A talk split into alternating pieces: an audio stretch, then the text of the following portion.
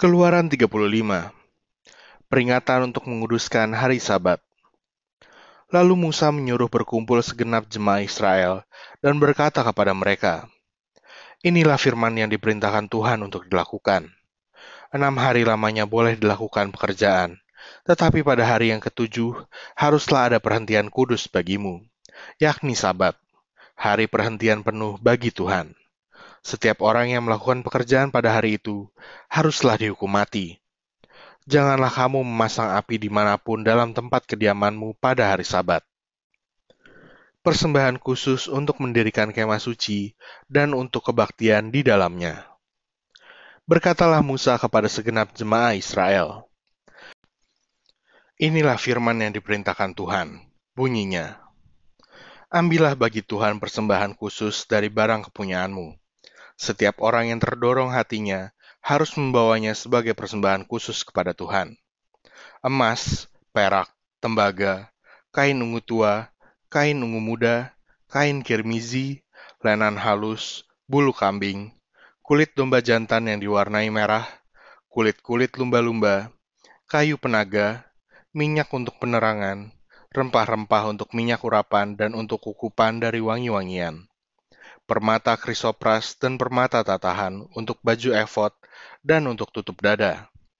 Segala orang yang ahli di antara kamu haruslah datang untuk membuat segala yang diperintahkan Tuhan, yakni kemah suci, atap kemahnya dan tudungnya, kaitannya dan papannya, kayu lintangnya, tiangnya, dan alasnya, tabut dengan kayu pengusungnya, tutup pendamaian dan tabir penudung, meja dengan kayu pengusungnya, segala perkakasnya dan roti sajian, kandil untuk penerangan dengan perkakasnya, lampunya, dan minyak untuk penerangan, mesbah pembakaran ukupan dengan kayu pengusungnya, minyak urapan, dan ukupan dari wangi-wangian, tirai pintu untuk pintu kemah suci, mesbah korban bakaran dengan kisi-kisi tembaganya, kayu pengusungnya, dan segala perkakasnya, bejana pembasuhan dengan alasnya, layar pelataran, tiangnya, alasnya, dan tirai pintu gerbang pelataran itu,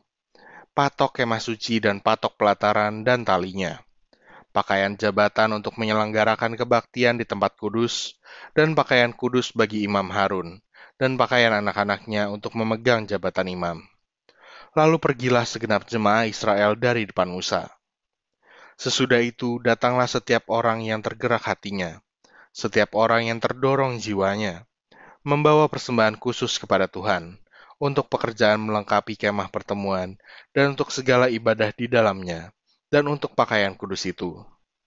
Maka datanglah mereka, baik laki-laki maupun perempuan, setiap orang yang terdorong hatinya, dengan membawa anting-anting hidung, anting-anting telinga, cincin materai dan kerongsang, segala macam barang emas.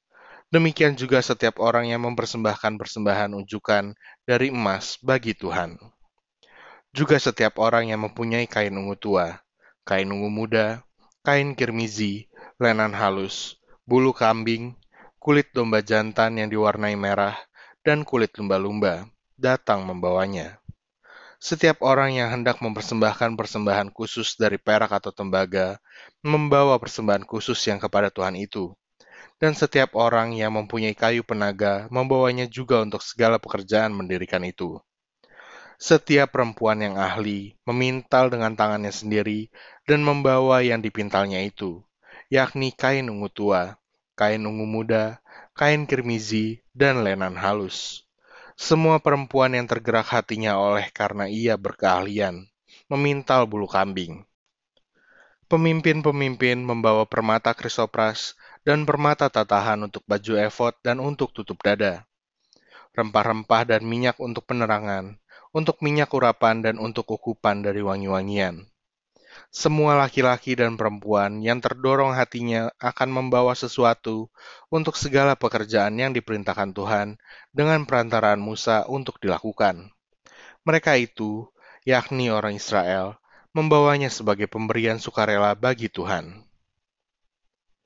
Pengangkatan Bezaleel dan Aholiab Berkatalah Musa kepada orang Israel, Lihatlah, Tuhan telah menunjuk Bezaleel bin Uri bin Hur dari suku Yehuda dan telah memenuhinya dengan roh Allah, dengan keahlian, pengertian, dan pengetahuan dalam segala macam pekerjaan, yakni untuk membuat berbagai rancangan supaya dikerjakan dari emas, perak, dan tembaga, untuk mengasah batu permata supaya ditatah, untuk mengukir kayu, dan untuk bekerja dalam segala macam pekerjaan yang dirancang itu.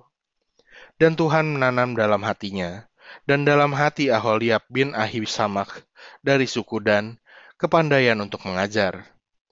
Ia telah memenuhi mereka dengan keahlian untuk membuat segala macam pekerjaan seorang tukang, pekerjaan seorang ahli, pekerjaan seorang yang membuat tenunan yang berwarna-warna dari kain ungu tua, kain ungu muda, kain kirmizi, dan lenan halus, dan pekerjaan seorang tukang tenun, yakni sebagai pelaksana segala macam pekerjaan dan perancang segala sesuatu.